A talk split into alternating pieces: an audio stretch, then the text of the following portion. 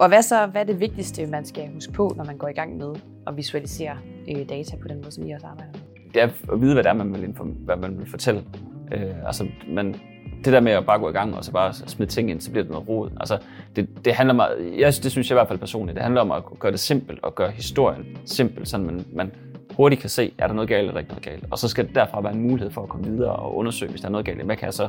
Så skal der være en plan for, hvad, hvad er det næste skridt så? Du skal vide, hvis den her kopi er rød, jamen hvad skal jeg så gøre?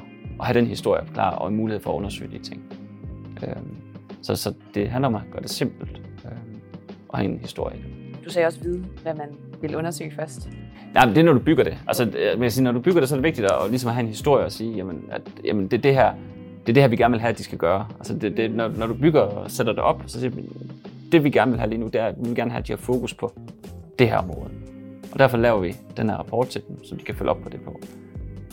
Og så ved du, jamen så historien, jamen det er fordi, vi har fokus på det her lige nu. Det kan være, at vi tænker et eksempel, at, at vi vil gerne sælge dobbelt så mange bananer. Så laver man et eller andet øh, på det, og så laver man en rapport, der kan følge op på det for eksempel.